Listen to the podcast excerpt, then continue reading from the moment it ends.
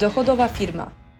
Podcast dedykowany przedsiębiorcom szukającym sprawdzonych strategii w biznesie, które pozwolą im zwiększyć dochody z wykorzystaniem najnowszych trendów i narzędzi na rynku. Dla tych, co działają pomimo wyzwań, cenią etykę w biznesie oraz swój czas.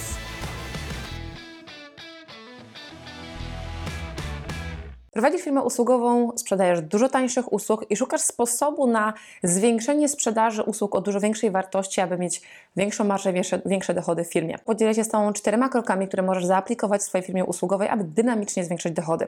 W momencie, kiedy myślisz o tym, jak faktycznie możesz zmienić to, co dzisiaj robisz, ponieważ Twoje usługi być może kosztują kilkaset złotych, może to jest kilka tysięcy i za każdym razem potrzebujesz poświęcać czas na tą usługę, co jest pierwszym krokiem, który bym Ci polecała? Pokażę Ci przykład jednej z klientek, która do nas trafiła. To była klientka, która jest nad klientką, która um, zaczynała od tego, że wykonywała usługi. Um, wyposażenia domów, zarówno dla osób, które inwestują w mieszkania, potem dalej je sprzedają, takie pod klucz mieszkania e, sprzedają, jak również dla osób indywidualnych, które wyposażenie takiego domu chciały mieć. I ta usługa, e, w zależności od tego, czy był to jeden pokój, czy to było całe mieszkanie, potrafiła kosztować właśnie po kilka tysięcy, może nawet więcej, ale jednak tych zleceń było dużo mniej takich tańszych. Po pierwsze, to co jej poleciłam, to mówię, weź i to bardzo fajnie no się połączyła, że na podstawie swojego doświadczenia, na podstawie swojej wiedzy, no bo ta wiedza jest jej elementem usług, które tworzy dla tych klientów indywidualnych, została spaczkowana w produkt sprzedawany automatycznie.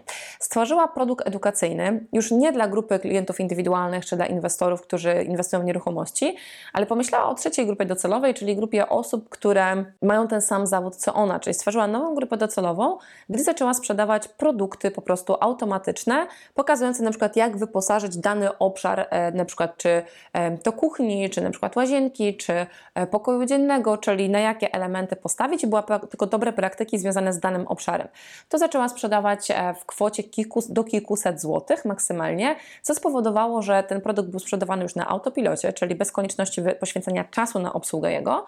Dał możliwość poznania jej tej grupy docelowej i w kolejnym kroku to, co zrobiła, to stworzyła produkt już za kilka tysięcy do tej samej grupy docelowej, ale który inwestuje już nie jej czas jeden na jeden w pracę z każdym z klientów, ale pracuje grupowo z grupą kilkudziesięciu. Na początku to było kilkadziesiąt, teraz już to jest większa społeczność osób, które po prostu cyklicznie się z nią spotykały na e, daną godzinę, ale ona już tak naprawdę ta godzina, jak policzyła sobie, ile warta była ta jedna godzina jej czasu, to okazało się, że to nie jest już w przeliczeniu na przykład na całą usługę, której sprzedawałaby za 15 tysięcy, ale musiałaby kilkadziesiąt godzin na to poświęcić, tylko w tej samej godzinie była w stanie dużo więcej zarobić, więc dochód per godzina się zwiększał.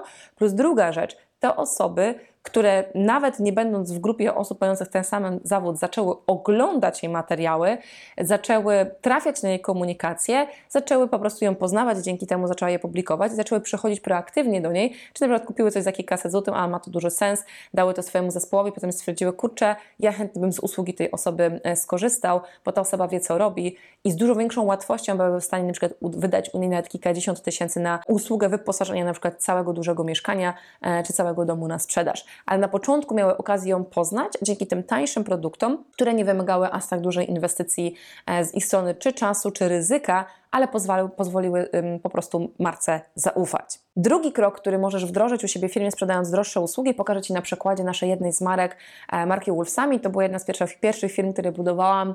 E, po 4,5 roku ją sprzedaliśmy do nowych właścicieli. Natomiast faktycznie pamiętam jak dziś, jak sam początek, kiedy wchodziliśmy na rynek tej innowacji w technologii, e, nie byliśmy znani na tym rynku, nie mieliśmy żadnych kontaktów, żadnych tak zwanych pleców, chociaż często to pytanie pytało, pyta, spadało, kto za nami stoi. Tak, nikt my. tak, taka prawda była. I to, co zrobiliśmy, to postawiliśmy bardzo mocno na mm, dobry odbiór wizualny naszej marki. Stworzyliśmy e, oprócz strony internetowej, bo mieliśmy wtedy pierwsze 7 tygodni na to, żeby w ogóle Pierwsze 7 tygodni zrobiliśmy 800 tysięcy na nowej marce, nie znając niszy, nie mając kontaktów. Ale co też było ważnym aspektem, który zagrał? Przygotowaliśmy w trakcie, kiedy gdzieś tam była budowana strona, zbudowaliśmy teaser, czyli taką prezentację, która była ładnie graficznie przygotowana, która miała odpowiedni układ informacji, od dlaczego, po co i w jaki sposób i dla kogo, która służyła nam do rozpoczęcia kontaktów bezpośrednich, gdzie też jeden na jeden uderzaliśmy do klientów, żeby ich pozyskać. I co się okazało, że jak zaczęli klienci z nas korzystać, to potem zaczęli mi zadawać pytanie, mm, skąd ta marka w Polsce się pojawiła, gdzie ona powstała, tak? bo mieli wrażenie, że my przynieśliśmy jakąś markę zagraniczną do Polski, a prawda była taka, że e, to była marka od zaraz stworzona, tylko ten teaser, ta prezentacja, ta grafika wokół tego fajnie zorganizowana dawała wrażenie takiego poczucia już dawno istniejącej, bardzo dobrze zbudowanej marki. Jak pokazałam to naszemu klientowi w branży księgowej i ona zaczęła to u siebie e, stosować, to powiedziała mi, że klienci zaczęli e, dużo bardziej profesjonalnie ją odbierać jako mm, przedsiębiorcę, jako firmę. Trzecia bardzo ważna taktyka pozwalająca Ci zwiększyć sprzedaż droższych usług, droższej oferty jest związana z tym, w jaki sposób prowadzona jest Twoja rozmowa. I jest to, e, ja zawsze wierzę w taką zasadę, że Nikt z nas nie lubi, jak mu się sprzedaje, no przynajmniej większość ludzi tego nie lubi, ale uwielbiamy sami kupować, czyli uwielbiamy sami podejmować decyzję zakupową. Więc teraz wyobraź sobie, że prowadzisz rozmowę, w której wiesz, że na przykład wynikiem, powiedzmy, że masz usługę robienia wizualizacji 3D dla branży deweloperskiej, mam akurat takiego klienta, więc on mi przychodzi do głowy. E, I jednym z takich aspektów, argumentów sprzedażowych, dlaczego warto jest to robić, to jest zwiększenie sprzedaży na tym rynku pierwotnym tych mieszkań. I ta sprzedaż potrafi się zwiększyć nawet o kilkadziesiąt do kilkuset procent, tak? bo człowiek jest w stanie to po prostu zobaczyć. To jest jeden z mocnych argumentów. I możesz teraz wylać tą całą informację na klienta w trakcie rozmowy, albo zacząć tą rozmowę prowadzić w taki sposób, że zamiast tego zaczniesz zadawać pytania, e, Jakie taktyki dzisiaj prowadzicie, żeby pozyskiwać tego klienta? No i tutaj już masz informację, w jaki sposób jest prezentowane to mieszkanie. Najczęściej jest podobnie. Pytanie, jaka jest skuteczność faktycznie osób, które się umawiają na rozmowę, widząc to w ten sposób zaprezentowane, ile czasu trwa taka sprzedaż, co by dla nich oznaczało, gdyby z tego samego ruchu byli w stanie o tyle i tyle procent na przykład zwiększyć liczbę umawiających się osób na rozmowę, co by to oznaczało, jeżeli chodzi o ich dochody. Oczywiście w międzyczasie wplatasz historię, ale prowadzisz człowieka pytaniami, żeby on sam do tych wniosków dochodził i sam proaktywnie w pewnym momencie zaczął przekuwać się, bo jak zobaczy, że mm, jeżeli byłbym w stanie, na przykład powiedzmy, nie wiem, ze 100 osób wchodzących na stronę, zamiast mieć trzech rozmów, byłbym w stanie mieć na przykład 10 rozmów, czyli trzy razy więcej, to pytanie, co to by oznaczało dla mnie z punktu widzenia szybkości sprzedaży tych mieszkań.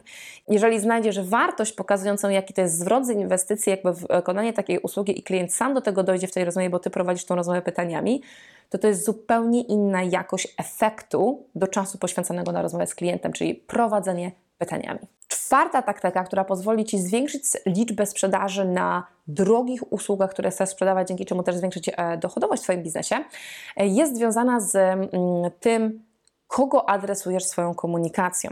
Teraz zobacz, jeżeli Ty, powiedzmy, robisz um, szkolenia z UX-a, no powiedzmy, robisz po prostu, masz wiedzę dotyczącą tego, jak projektować UX-owo dane rozwiązania technologiczne. To teraz, jeżeli faktycznie pójdziesz z tym do, Twoja komunikacja będzie wyglądała tak, że każdą możliwą aplikację możesz zaprojektować w każdej możliwej branży, i obok Ciebie jest konkurencja, która będzie komunikowała na przykład to tylko do branży, powiedzmy telekomunikacyjnej, albo na przykład będzie projektowała jakieś rozwiązania dla branży ubezpieczeniowej, albo dla mm, jakiejś innej specyficznej niszy i całą swoją komunikację ułoży stricte pod tą niszę w swoich działaniach sprzedażowo-marketingowych, to jak myślisz, kogo klient w pierwszej, w pierwszej kolejności zacznie słuchać, obserwować, czytać i po kogo w pierwszej kolejności sięgnie? No najprawdopodobniej, najprawdopodobniej jest to tych, którzy rezonują z nimi na poziomie komunikacji ich branży, bo czują, że to jest coś, co jest bardziej dopasowane do nich. Dlatego brak mocno określonej niszy, nawet jeżeli masz wiele nisz, to komunikacja powinna być projektowana per nisza, to brak tego powoduje, że automatycznie obniżasz skuteczność tego całego czasu, który inwestujesz w sprzedaż tych dużo droższych usług. Ja pamiętam, jak jeden e, z klientów opowiadał mi, jak zaczynał dopiero ze szkoleniami, ale skupił się na tej właśnie bardzo wąskiej niszy i dzięki temu na przykład jedno z swoich, swoich pierwszych szkoleń jednodniowych sprzedał za 20 tysięcy, gdzie mówi, że były jakieś inne, inne osoby na rynku, ale on stricte komunikował ich, a nikt inny nie dotykał tej niszy, tylko komunikował bardzo szeroko.